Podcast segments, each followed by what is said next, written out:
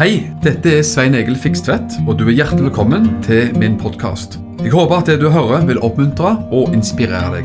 Ønsker du mer informasjon om arbeidet i drivet, så kan du gå til mission-alliance.org. Gud velsigne deg.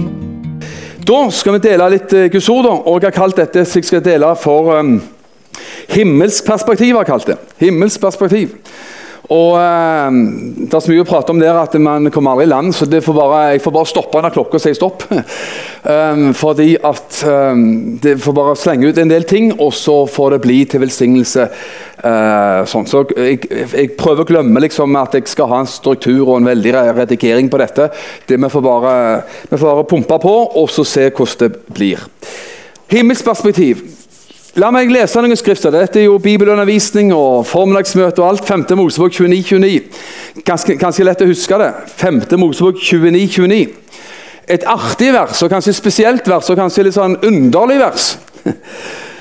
Det står da, de ting, Blant de siste tingene som står det, mot slutten av 5. Mosebok er det De skjulte ting, står det, tilhører Herren, vår Gud. De skjulte ting, Det som er skjult, tilhører Gud. Men de som er åpenbart, altså de ting som er åpenbart, tilhører oss og våre barn til evig tid. For at vi skal gjøre etter alle ordene i denne loven. Og den gangen det, Loven her er jo Moseloven. da. Det, vi lever etter Kristi lov, men, men eh, du skjønner prinsippet likevel. Moses sier her, og Gud sier her da, at, eh, at det, det er noen ting som er skjult. Er, du og meg skjønner ikke alt. Det er ikke alle ting som er åpenbart for oss. Eh, og, og, Det som ikke er åpenbart for oss, det som eh, ikke vi kjenner til eller har full peiling på, det ligger hos Gud. vet Du Du kan hvile i det. Det er fint å vite at det, det som ikke du og meg skjønner, det får man få nåde til å legge på Gud. Så er det sånn at Vi skal se og forstå mer og mer i dette livet. Med Vår kunnskap, vår innsikt, vår åpenbaring vokser hele tida. Men så lenge vi er på denne siden av evigheten, så vil det alltid være ting som du og meg ikke har full innsyn og innsikt i. Amen. Og heldige den som har nåde til å akseptere det og hvile i det, faktisk. Første kor 13 sier jo det. Kjærlighetskapitlet. At vi ser stykkevis og forstår stykkevis. En dag lenger fram i evigheten så skal vi se og forstå fullt ut. Ikke før, men vi ser, vi ser, stykkevis og delt akkurat nå. Og profeterer stykkevis og delt. Og Det, det, det gir meg en, liksom en avslappethet. Det gir meg en hvile. Noen, noen, får sånn problemer med troen at hvis de ikke klarer å få en hel kabal eh, liksom Alt det eksistensielle og alle svar på alle spørsmål Alt må liksom komme i Kabalen må legges, og kabalen må gå opp, ellers så, så raser livet. Jeg lever veldig greit sjøl uten at det hele kabalen går opp denne, på denne siden av evigheten. Jeg, jeg, har mer enn nok å se, jeg har mer enn nok å forstå, jeg har mer enn nok å trenge inn i ved å ha Bibelen som, som, som boka.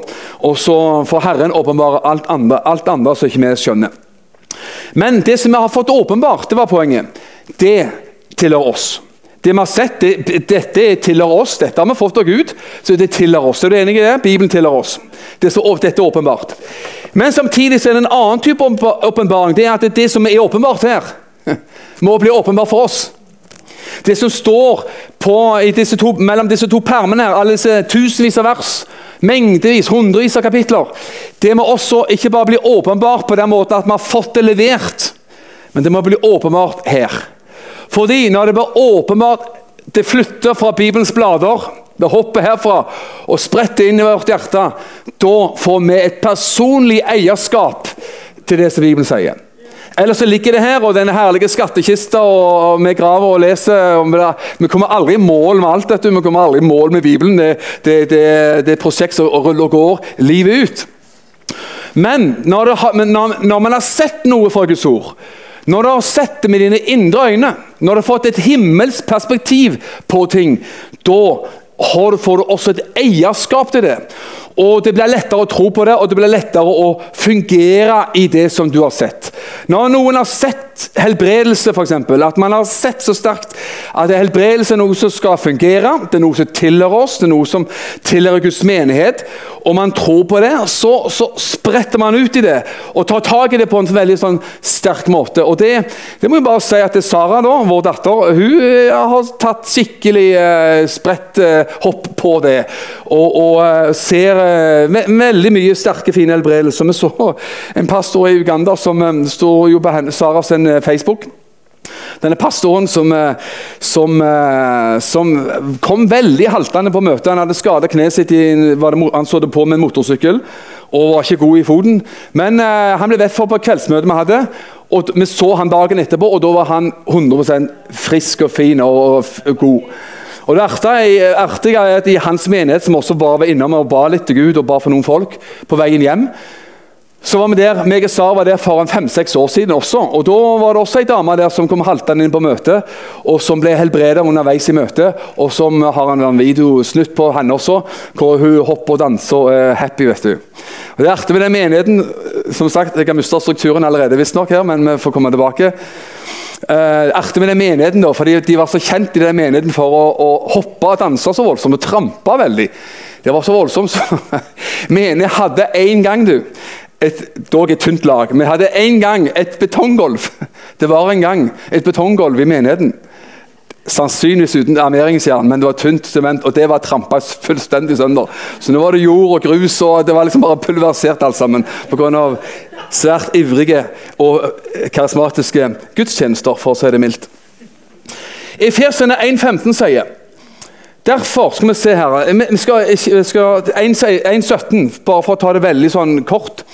Jeg ber om, sier Paulus, han ber for feserne, at vår Herre Jesu Kristi Gud, herlighetens Far, må gi dere visdoms- og åpenbaringsånd i erkjennelse av ham, og at deres forstands eller hjertets øyne blir opplyst, slik at dere kan forstå. Jeg har lyst til å stoppe der, så at du ikke skal liksom henge deg opp i mer. At vårt hjertes øyne, forstands øyne, skal bli opplyst, sånn at vi kan forstå. Og Resten får være sånn prikk, prikk, prikk, så får du lese resten sjøl. Våre hjertes øyne må bli opplyst, sånn at vi kan forstå hva som vi har i Kristus, hva man er i Kristus, hvem Jesus er, osv. Hebreerne 12,2 sier mens vi ser på Jesus, eller blikket festet på Jesus, han som er troens opphavsmann og fullender osv. Vi ser noe. Det du ser, det som er åpenbart, tilhører deg. Det du ser, tilhører deg. Det som er skjult, det ligger hos Gud eller ligger si, gjemt inn i Bibelen. Men det du har fått tak på, det du har sett og det du har forstått, det har du et personlig eierforhold til. Og det er jo det som er så kolossalt viktig å få tak i, egentlig. Sånn at det som man har her, blir mer og mer levende for oss. For å si det på den måten, Johannes 1 Ordet ble kjøtt, står det. Og klart ordet ble kjøtt i Jesus. Det skjønner man jo. Men Gud vil at ordet skal bli kjøtt hos oss. På den måten at det, som er her, det får armer og bein, og det får eh, liksom sette seg i våre liv, sånn at det, det gjør noe med oss. Andre Peters brev. og skal jeg prøve å ta liksom en overskrift her. Vi skal se, sånn at Du og meg må se og forstå hvem Jesus er. Se og forstå hvem Jesus er, se og forstå hva man er og har i Jesus osv. Men se og forstå, få tak i denne enkle åpenbaringen om hvem Jesus er. Og I 2. Peters brev, kapittel 1, vers 16, så synes jeg, og jeg har alltid vært fascinert over det, og egentlig ganske rørt over det, det som Peter sier på slutten av sitt liv. Han sier i samme brev at jeg skal snart dø og reise herfra denne jord osv. Og så sier Peter det, og Nå skal de legge litt Sven Egil sine fantasi inn i dette også, da, så du får litt sånn blanding her. Så får du skille hva som er rett og godt her, og rett og galt. Men det er som om Peter sitter et sted og, og vet at jeg har en siste hilsen til noen her. Og så har Peter som få et, et erfaringsbank med Gud. Uh, opplevelses liksom uh, lager av åndelige opplevelser som er voldsomt sterke og voldsomt mye. Han hadde gått på vannet, han hadde jo vært sett Jesus multiplisere mat, brød og fisk til mennesker. Sett i dødes oppstandelse og vært med på spinnvilt mye. Så tenker han kanskje, hvis jeg skal ta fram én opplevelse som virkelig, som virkelig sitter sterkt, altså, så, så, tenker han på akkurat det som han skriver her. Ikke alle miraklene, men hvem Jesus var. Opplevelsen som forandra alle ting i hans liv. Og Da sier han da i 2. Peter 1,16.: For det var ikke smart oppdiktede eventyr vi fulgte da vi kunngjorde dere vår Herre Jesu Kristi makt og gjenkomst men vi var øyenvitner til Hans Majestet. For han fikk ære og herlighet fra Gud Fader da en røst som denne kom til ham fra den opphøyde herlighet. Dette er min sønn, den elskede. I ham har jeg velbehag. Og Vi hørte selv denne røsten som kom fra himmelen, da vi var sammen med ham på det hellige fjellet. Hvilken opplevelse var det Peter ville ta fram? Av alle opplevelser? Jo, hans opplevelse av å se Jesus hva man virkelig var. Og Den opplevelsen den finner man jo da i eh, Johannes, nei, i Matteus 17. Og Det er en sterk historie. Jesus tar med seg Johannes, Peter, Johannes og Jakob opp på dette fjellet. Forklarelsens berg, som man gjerne kaller det. Og så ser de Jesus. Fram til nå hadde de sett denne Jesus som var menneskesønnen. Brune øyne, en Midtøsten-person med brunt skjegg og mørkt brunt hår eller brunt hår. Denne Jesus som var altså en Midtøsten-jødisk mann. Så blir, med, så blir, de med han oppe dette fjellet, og så ser de at denne Jesus som var menneskesønnen, var noe mer enn en menneskesønn. Han var gudesønn også. For der ble Jesus, denne brune Jesus, for å si det sånn, den, gjort til den blendende og skinnende hvite, utstrålende Jesus. Og de får se at han ikke bare er menneskesønnen, men han er gudesønnen. Og så er det jo da denne herren, stemmen som taler, bl.a. i forrige se Moses og Elias også. Men så er det denne røsten som taler. Dette, han her karen her, altså. Han er min sønn.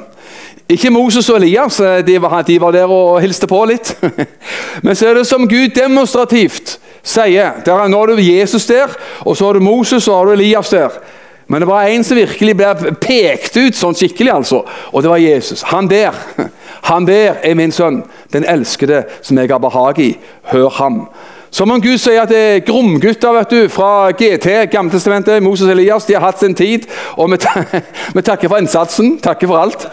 Og så er det eh, Guds sønn, Messias, frelseren, som nå man eh, har sitt fokus på, og som man lytter til.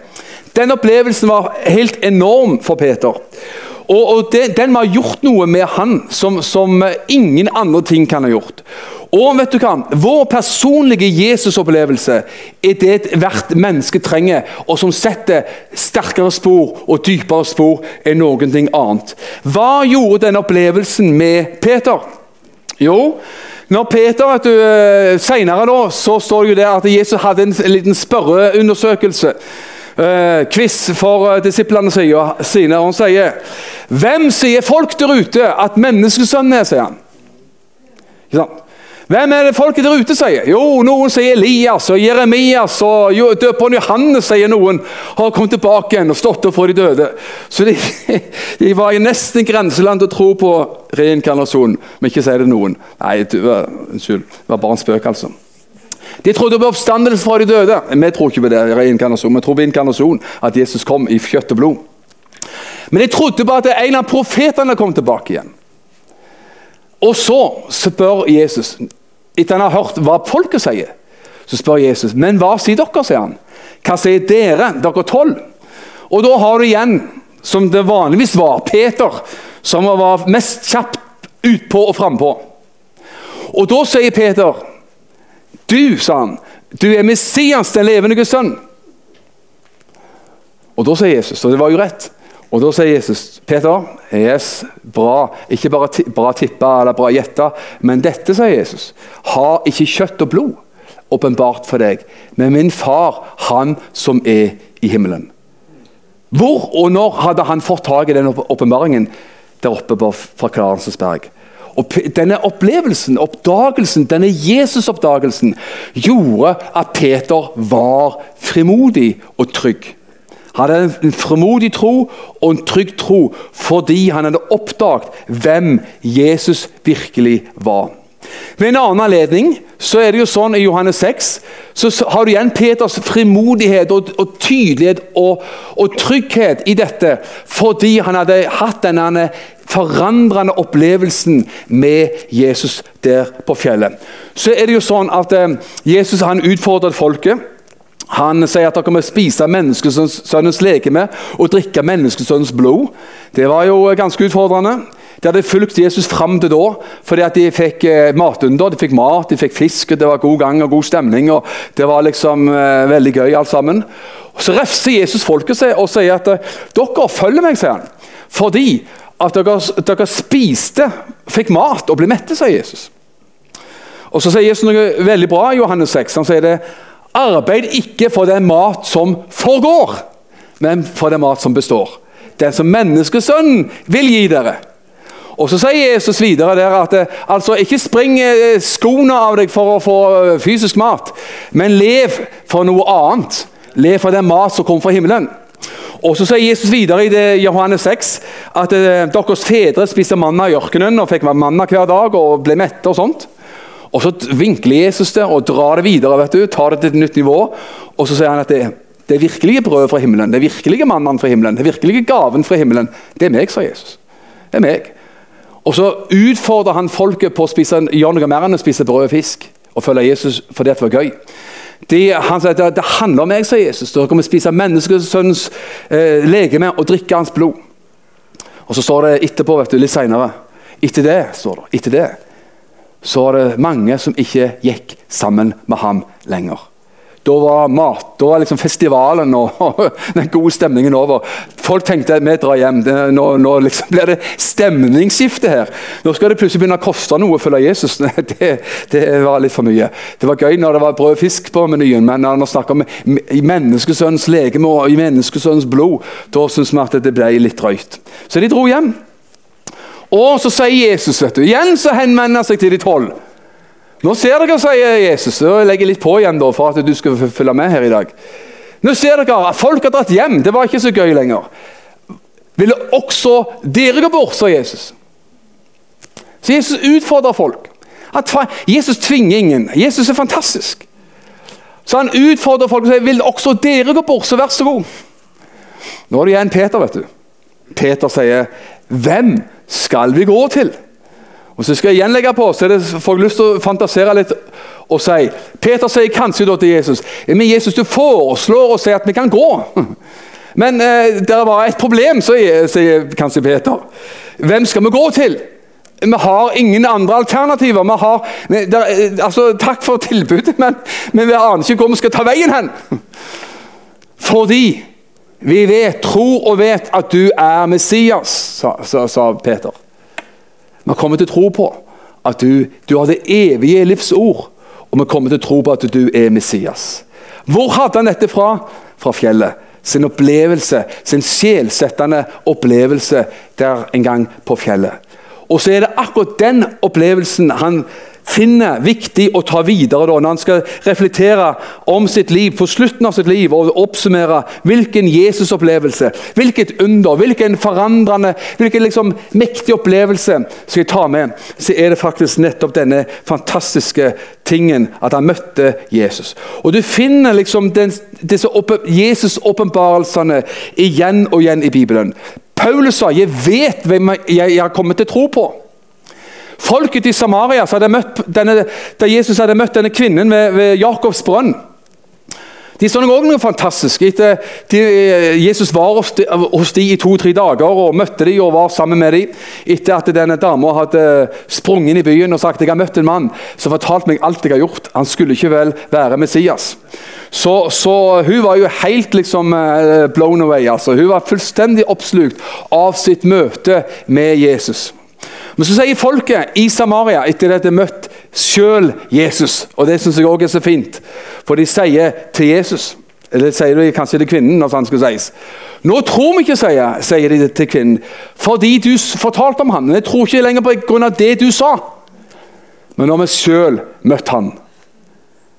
Og det, Hvor viktig er det ikke menighetsbarn, folk som er vokst opp i kristent hjem, må nettopp få dette perspektivet og åpenbarelsen av hvem Jesus er. At eh, Folk som har vokst opp på søndagsskole, kristent hjem og kristen ungdomsarbeid og alt mulig, og ingenting er bedre enn at det skjer. At man går nettopp fra det at man sier på et eller annet tidspunkt Nå tror jeg ikke lenger bare pga. far og mor. Jeg tror ikke bare pga. at Martine har fortalt oss om Jesus på søndagsskolen. For når vi sjøl møtte han, når vi sjøl kom til vår forsonlige, modne, selvstendige tro på Herren Jesus Kristus. Himmelsperspektiv. Du vet, Vi trenger se ting. Nå har jeg jo briller her som jeg tar av og på. Og de kunne jammen blitt pust også, da, men det er ikke blitt. Men jeg håper i dag at det, det skal bli sånn at det, det vi holder på med i dag, det er å pusse brillene litt. Pusse objektivet, pusse linser. Se tydeligere og se tydeligere hvem Jesus er, og få et himmelsk perspektiv på det Gud vil vi skal ha et himmelsk perspektiv på. I de eh, siste årene du, har det vært veldig på dette med, med droner. Ja, det er droner i, i, krig, og det er droner, alskens droner. Og, og uh, smådroner som kan fly litt høyt opp over hustakene og filme og få et større, høyere perspektiv på ting. Skal man selge hus nå til dags, så har jo um, eiendomsmeglerne ofte droner, så de tar sånn over, flott oversiktsbilde, så, det, så man ser hvor fint og flott det er. vet du hva? Gud vil at vi skal få dronebilder på tilværelsen. For et oversiktsbilde kommer høyere opp, så man kan se tingenes tilstand, tilstand sånn som de ofte faktisk er. Når vi vandrer i denne, denne møkkete jorda her og ser våre egne omstendigheter, ser bare det, nære, snevre ting, så ser vi veldig ofte nettopp nært og snevert. Gud vil at vi skal se ting fra hans perspektiv, så vi kan se det mye mer, mye bedre. Det som vi trenger å se, og det skal jeg ikke si mye om, for jeg skal gå videre til et annet punkt, men det å se Guds kjærlighet, det å se hvem du er i Kristus, se du, hva du har i Kristus Først og fremst se hvem Jesus er, men også da å se Guds kjærlighet. For ha åpenbaringen om Guds kjærlighet eh, i, eh, i, våre liv er jo så kolossalt viktig. Å få lov til å se eh, hans kjærlighet, hans ubetingede kjærlighet til oss, er jo så kolossalt viktig. Jakob og Johannes, de som fikk med, være med på Forklarelsens berg, eh, de fikk også, de Jesus kalte jo de som, Når Jesus kalte de, så var jo Jesus nesten litt frekk. For Han kalte de for tordensønner. Det er ikke om det er veldig god psykologi. Å kalle to blant mange da, og kalle de at dere får et eget navn. Markus 2, eh, eller hva det står. hvor det er hen. Så står det at Jesus kalte de for tordensønner. Det, det er ikke akkurat direkte et kompliment. Men så får de vandre med Jesus. Og De levde jo også opp til navnet da, ganske kraftig. Ved at De foreslo at ild og svovel skulle en gang komme ned og brenne opp Samaria. Eh, fordi at de ikke hadde tatt imot Jesus og åpna opp dørene og i husrom. og alt mulig. For Jesus var på vei til Jerusalem. Der hadde du litt sånn etnisk konflikt og religionskonflikt og ditt og datt. Um, sånn at uh, Da, da foreslo jo uh, Peter, nei, Jakob Johannes at de skulle få ild og svovel til å komme ned og brenne opp opplegget. Men Jesus refsa dem og sa dere vet ikke hva slags ånd dere er av, sa Jesus. Så Han sa jo det veldig tydelig at eh, de fikk refs på akkurat det der. Dere vet ikke hva slags ånd dere er av. Siden så ser vi også at Jakob og Johannes de, eh, de ber senere også om å få en posisjon. En ved Jesu høyre side og en ved Jesu venstre side når Jesus kommer i sitt fullendte rike osv. Så, og sånn. så ber jo de på god tid på forhånd om å få en skikkelig fin plass ved bordet. Eh, høyt oppe. En ved Jesu høyre side, en ved Jesu venstre side. Og tenker at her skal vi sikre oss ordentlig. Men eh, Jesus sier også da at dere vet ikke helt hva dere ber om engang. Dere har ikke peiling hva dere snakker om. Og, og, og Jesus eh, får de ned igjen. Og De ti andre ble jo eh, sure på det, irriterte på det. og at det, det var der maken til grenser, til frekkhet de skal komme med, og be om en sånn en spesiell posisjon. Men så er det sterkt å lese historien om, ja, om både Jakob og Johannes, og gjerne følge Johannes spesielt videre. Der han på slutten av Johannes-evangeliet går fra å være en tordensønn som har tidligere bedt om ild og svovel, og som tidligere har bedt om en høy posisjon og være en viktig kar, til å bare si noe så salig enkelt. Og det er om Han omskriver navnet sitt og tittelen sin og alt, og sier 'Jeg er den disippel som Jesus elsker'. Det er bra. Da, da, da, er en, da, er det en, prosess på gang i livet hans. For å være liksom, eh, bli eh, Jesu høyre hånd i hans rike, så sier han bare én ting. Jeg tror jeg har bare blitt én ting, sier han. Jeg har blitt den som Jesus elsker. Fire-fem ganger så sier han det. Han bruker navnet sitt, sier ikke 'undertegnede', sier ikke 'Johannes'. Han sier ikke det ene eller det andre, han sier heller ikke 'apostel ditt og apostel datt'. Han sier bare 'jeg er den som Jesus elsker'. Og Skal vi dra det helt til Bibelens siste blader, så ser han noe helt fantastisk i eh, Åpenbaringen 1.9. Åpenbaringen 1.9. Så sier han ikke igjen apostelen Johannes. Ikke noe galt med det. Paulus bruker det. Men han sier noe helt fantastisk. Han sier Johannes, sier han. Deres bror, sier han. Så Da har han liksom gått fra å være tordens sønn til å ønske en posisjon, til å ha mye fyrige forslag til Jesus, til å bare ende opp med å si 'Jeg er deres bror', sier han. Og, og en som har del med dere i lidelsen. Vet du hva? Det er, jeg er så sikker på det er nettopp det eh, Guds kjærlighet vil gjøre i våre liv. Guds kjærlighet vil tas fra en, en, en, en høy og rar posisjon. Det vil tas bort fra sammenligninger, konkurranse, konkurransementalitet og andre ting. Til å ha dette enkle jeg er din bror, jeg er en enkel Guds tjener. Man, er, lander bare på det at jeg er en, for den saks skyld en synder, eh, frelst av nåde. Eller jeg er den, han eller henne som Jesus elsker. Jeg tror at alle av oss, uten å bruke, begynner å til, tiltale oss sjøl Vi trenger ikke kopiere Johannes og springe rundt og si at jeg er den som Jesus elsker hver gang jeg skal presentere meg. Da har jeg liksom uh, gjort det svulstig. Men at du, du, og meg kan gå ut herfra i dag, og enda mer i hvert fall, at det er en åpne og stigende åpenbaring i våre liv. At vi kan si og vite om jeg er den. Jeg er den som Jesus elsker. Om jeg ikke vet så mye mye mer her i livet, så har jeg i hvert fall skjønt én ting at jeg elsker av Gud. Og det er ikke så verst, skal jeg si deg. Det var tre, Jeg prøver å ha liksom punkter her også, jeg følger med til og med på klokka. Se og forstå hvem Jesus er. Ha et dronebilde. Ha et himmelsperspektiv på hvem Jesus er. Hva det gjorde for Peter, det har vi jo sett. Ha et dronebilde eller et himmelsperspektiv på Guds voldsomme og ubetingede kjærlighet til oss. Nummer tre, som vi tar nå, det er å ha et rett perspektiv, himmelsperspektiv, når man vandrer i dødsskyggens dal. Amen. Det var godt sagt. Du, Å ha et himmelsperspektiv. Det er lett å ha et himmelsperspektiv når du, når du har nettopp fått ferie. Oh, feriepengene kommer inn, og kanskje skattepengene kommer inn. og så får igjen på skatten, og Da er det lett å ha et høyt perspektiv på livet. Men et himmelsperspektiv når man vandrer i dødssykens dal. Det Ordet dødssykens dal det har vi jo fra Salme 23. og det kan vi jo bare ta noen få eh, Jeg skal ikke lese hele salmen. Det er jo en enormt bra salme som handler nettopp dette, som handler om livet. Som handler om David, som var en god hyrde sjøl. Han var gjetergutt. Og så har han antagelig vært gjeter noen år. da, vet du. Så tenker han det at det, det er jo akkurat som Gud er. Var, han tenkte at dette er jo et veldig godt bilde på Gud. Sånn som jeg har beskytta sauene. Det sa han jo også når han skulle møte Goliat og gjengen. vet du, at Jeg har, jeg har gjeta faren min sine sauer. Og kommer det da løve eller bjørn mot sauene, sauene så tok jeg, tok jeg tak i situasjonen. Og Så sier han jo egentlig at ja, men Gud er jo sånn. Herren er min hyrde.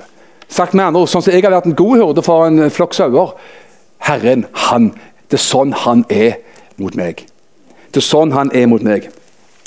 Og Da kjenner man jo det eh, Vi kan lese noen få vers. Det er jo en liten salme uansett. Herren er min hurde. Salme 23, vers 1 eh, utover. Herren er min hurde, jeg mangler ingenting, sier han. Han lar meg ligge i grønne enger. Jeg ser det, det, det som bilde på sauer. Han lar meg ligge i grønne enger. Han leder meg til hvilens vann. Han fornyer min sjel. Han leder meg på rettferdighetens stier for sitt navns skyld. Ja, så, så, her har det kommet en grønn hvilens vann. Grønne enger, det er jo bare salighet alt sammen. Halleluja! Skulle ønske at han kunne stoppe der. Men så kommer vers 4, vet du. Ja, selv om jeg må vandre gjennom dødsskyggens dal, frykter jeg ikke for noe ondt. For du er med meg. Din kjepp og din stav, de trøster meg. Kan du se at David han og Guds ord i det hele tatt er jo veldig ærlig om hvordan livet kan se ut. Enten man er, føler at man befinner seg i grønne enger eller i dødsskyggens dal. Det er jo en viss forskjell. Men når man da vandrer gjennom dødsskyggens dal, frykter jeg ikke for noe vondt, ondt, for du er med meg. Skjønner? Det er ikke hvilken dal du går gjennom som er, som er avgjørende, men hvem som går med deg i den dalen du måtte være i. Hvem som er med. Din kjepp og din stav, de trøster meg.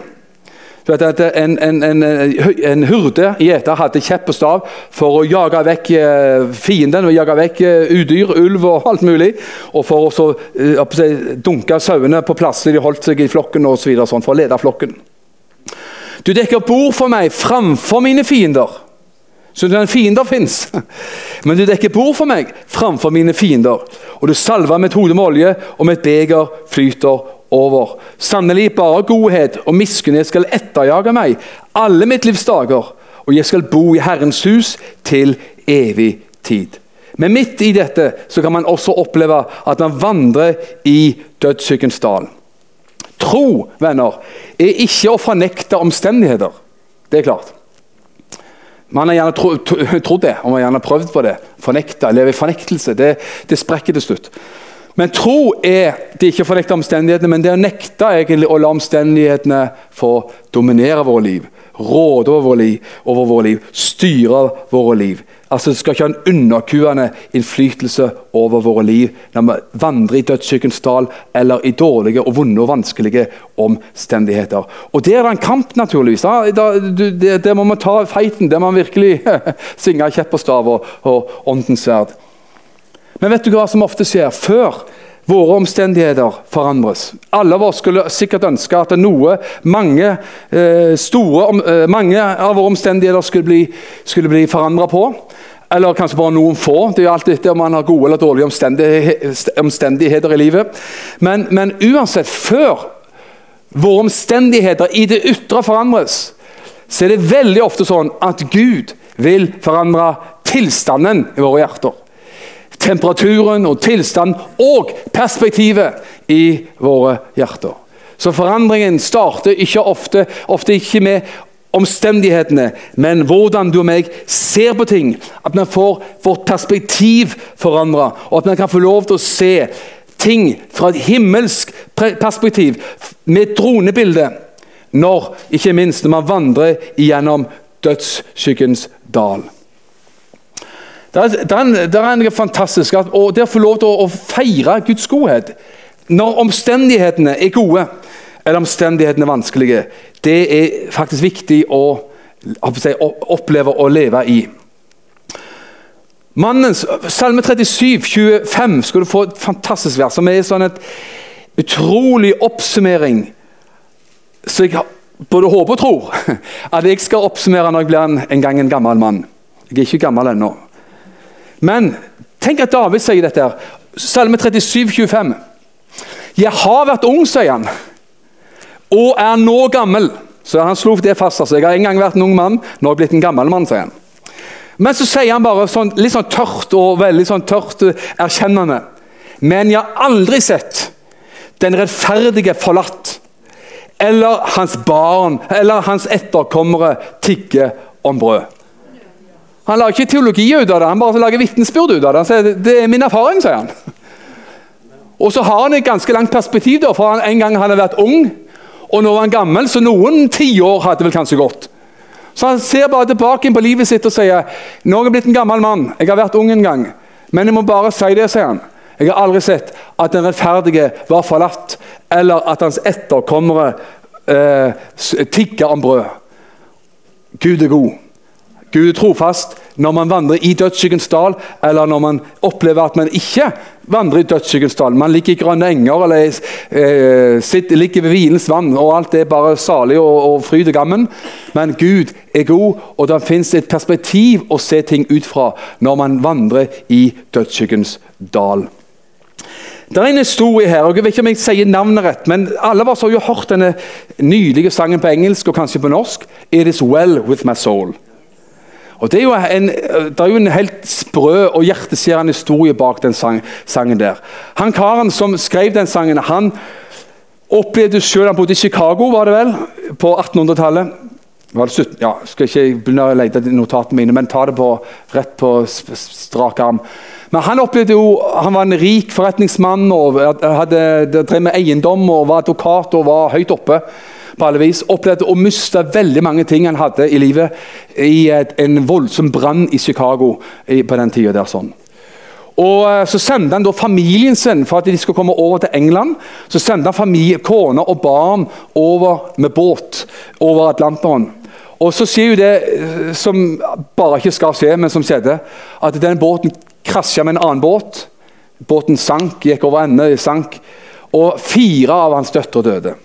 Tenk på det. Kona overlevde og ble brakt til, land, til, England osv. Og sånn. Og så når han da senere skal dra over til England for å møte kona si, som da mistet, begge har mista sine fire døtre, så, så, kommer de da til akkurat det punktet der denne forrige båten hadde gått ned. Og Da blir de opplyst om det på båten der han er. At her er, på, her er den plassen som denne båten har gått ned. Og Da visste jo han her mista jeg mine fire døtre. Og der I det øyeblikket så får jo han denne sangen her, og får denne teksten osv., som er så voldsomt sterk. Tenk det, at man kan ha et sånt perspektiv når man har opplevd så mye tragisk i livet. Hvilket perspektiv kan man da ha? Og hvordan kan man da se at Gud er god? Det gjør man tydeligvis. Det gjør man, og det er mange som gjør det. Eh, I vår tid også, naturligvis. Som har opplevd de utroligste ting, men som sier likevel eh, at Gud er god. Jeg husker Rune Edvardsen sa noe. Han har, vært, han har jo reist veldig mye i Kongo, og Kongo jo, har vært en sånn terrorplass og borgerkrigplass i alle, alle år nesten. Og han sier Folk spør uh, han og hvordan kan folk i Kongo, kristin Kongo tro på Gud. Men de vil si, de kristne i Kongo vil si hvordan går det an å ikke tro på Gud? Hvordan kan du tro på Gud med alt det dere har opplevd? De sier hvordan kan man la være å tro på Gud? Midt i alt det man har opplevd. Lina Sandell har jo skrevet også den svenske sangforfatteren Lina Sandell, som levde på 1800-tallet i stor grad. Døde i 1903. Hun har jo skrevet disse utrolige sangene. 'Blott en dag' og ikke minst 'Jesus åpnet du mitt øye'. Så gikk han se, så gikk han se, så gikk han se hvor riket er. Da har du Det var 1800-tallet, men hun hadde, hun hadde dronebilde likevel. vet du. Hun hadde sett noe. Så jeg kan få se hvor rik jeg er. Hun hadde sett med egne øyne sin egen far drukne. For eksempel. hun hadde opplevd mange tra tragedier i livet. Men hun hadde tydeligvis opplevd at, eh, at, eh, det fantes et himmelsperspektiv i dødssykens dal. Kolossalt viktig. Jeg blar litt, for jeg skal, jeg skal bare ta, hoppe litt, og så skal vi avslutte ganske fort. 2. Korinterbrev 4,16 skulle få et sprøtt ord av Paulus. I dag får du mange, mye sprø ting. Litt sånn motstrømsskriftsteder, kanskje, som, som, eh, som, gir et perspektiv som jeg kan ha i livet. Når dagene er gode, når dagene er onde. Paulus hadde jo opplevd litt av hvert. Han har opplevd forfølgelse. Eh, han lister jo det opp mange plasser, Roman 8 og mange andre plasser. andre Korinterbrev. All den forfølgelsen og fengsling og, og, svik og all elendigheten han hadde opplevd i livet.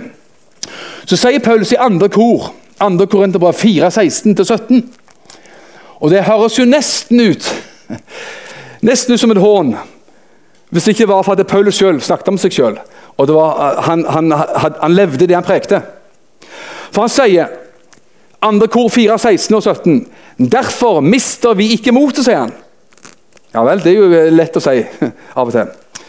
For selv om vårt ytre menneske går til grunne, blir likevel det indre mennesket fornyet dag for dag. Han innså at mens skrottene her mer og mer går mot den sikre død, som han gjør, Eh, selv om vi får jo spise sunt og trene og be til Gud og håpe at det går seint, så, så er det sånn at det vårt ytre menneske går til grunne. Men vårt indre blir fornyet dag for dag. Det opplevde Paulus, og det så, sånn så han det. Og så sier han det, om, om, om, det ikke var ille det han sa nå, så kan du få det enda verre nå. For vår trengsel, sier han, som er lett, og som bare varer en kort stund Paulus hadde opplevd alt det han opplevde. Så han, Vår trengsel er lett. Paulus, da. Hallo, våkne opp og bli realistmenneske. Altså, Skjønner du ikke hva slags elendighet du befinner deg i, din galning? Vår trengsel det er to ting. Han er lett, og så varer han veldig kort.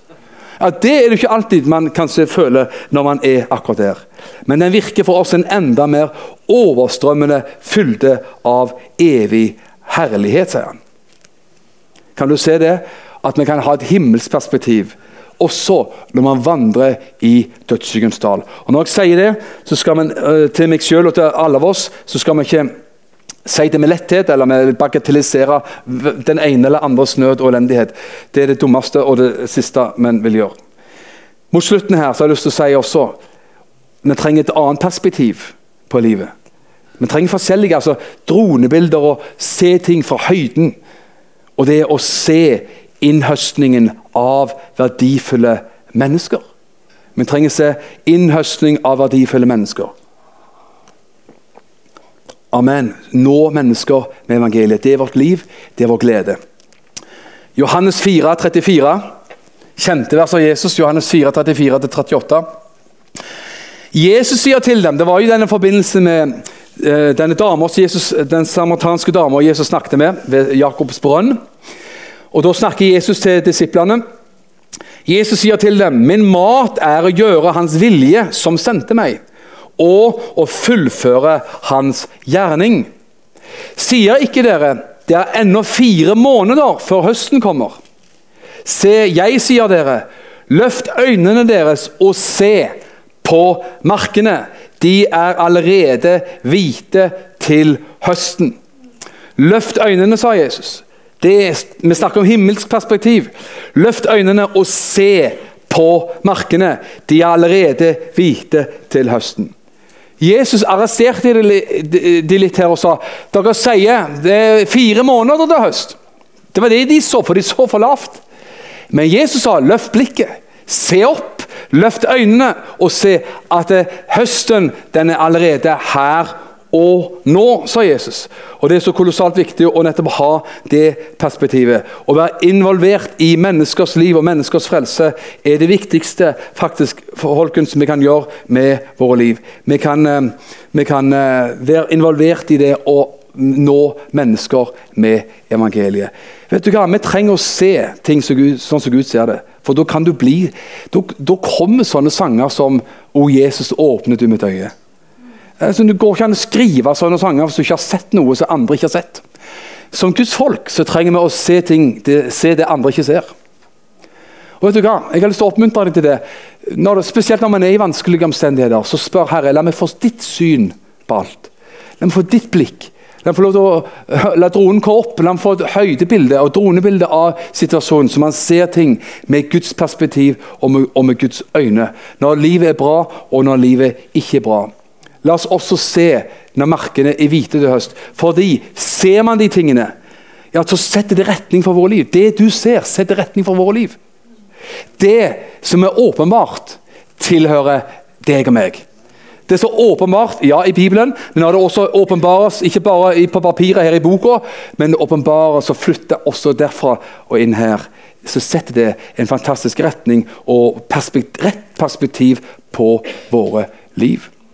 Asaf, lovsangslederen Lovsangslederen Asaf i Salme 73 sa det. vet du. Han så mørkt på tilværelsen. Han så det gikk så godt med de ugudelige, og han tenkte, han så at de ugudelige hadde akkurat like godt som oss frelste, sa han. grunnleggende. Og, og, så sa han at det, så gikk han så langt han gikk så langt at han sa Forgjeves. Forgjeves har jeg renset mitt liv, sa han. Forgjeves har jeg innvidd mitt liv. Tenk Når du kommer så langt og sier det jeg har holdt på med, at jeg har satsa på Gud, det er rett og slett bare tull. Det er forgjeves. Han sa det. Les det sjøl. Inntil, sa han. Inntil. Alt forandrer seg inntil gikk, gikk inn i helligdommen, sa han. Gikk inn i helligdommen og så hvordan ting blir til slutt. Alt kan forandres når vi får lov til å gå inn i helligdommen og få Guds perspektiv. Og så er slutten på Salme 23 dette. Jeg blir alltid hos deg. Jeg blir alltid hos deg fordi du har grepet min høyre hånd. For en forskjell! Fra å si at jeg har forgjeves forgjeves har jeg satsa på Gud, forgjeves har jeg innviet meg, forgjeves har jeg valgt å gå på den smale vei. Til, Det var midt i salmen, og på slutten av salmen sier han bare Jeg har bestemt meg for jeg blir alltid hos deg. Nytt perspektiv, et himmelsperspektiv. Takk for at du har lytta til denne podkasten. Jeg ønsker deg en velsigna god dag.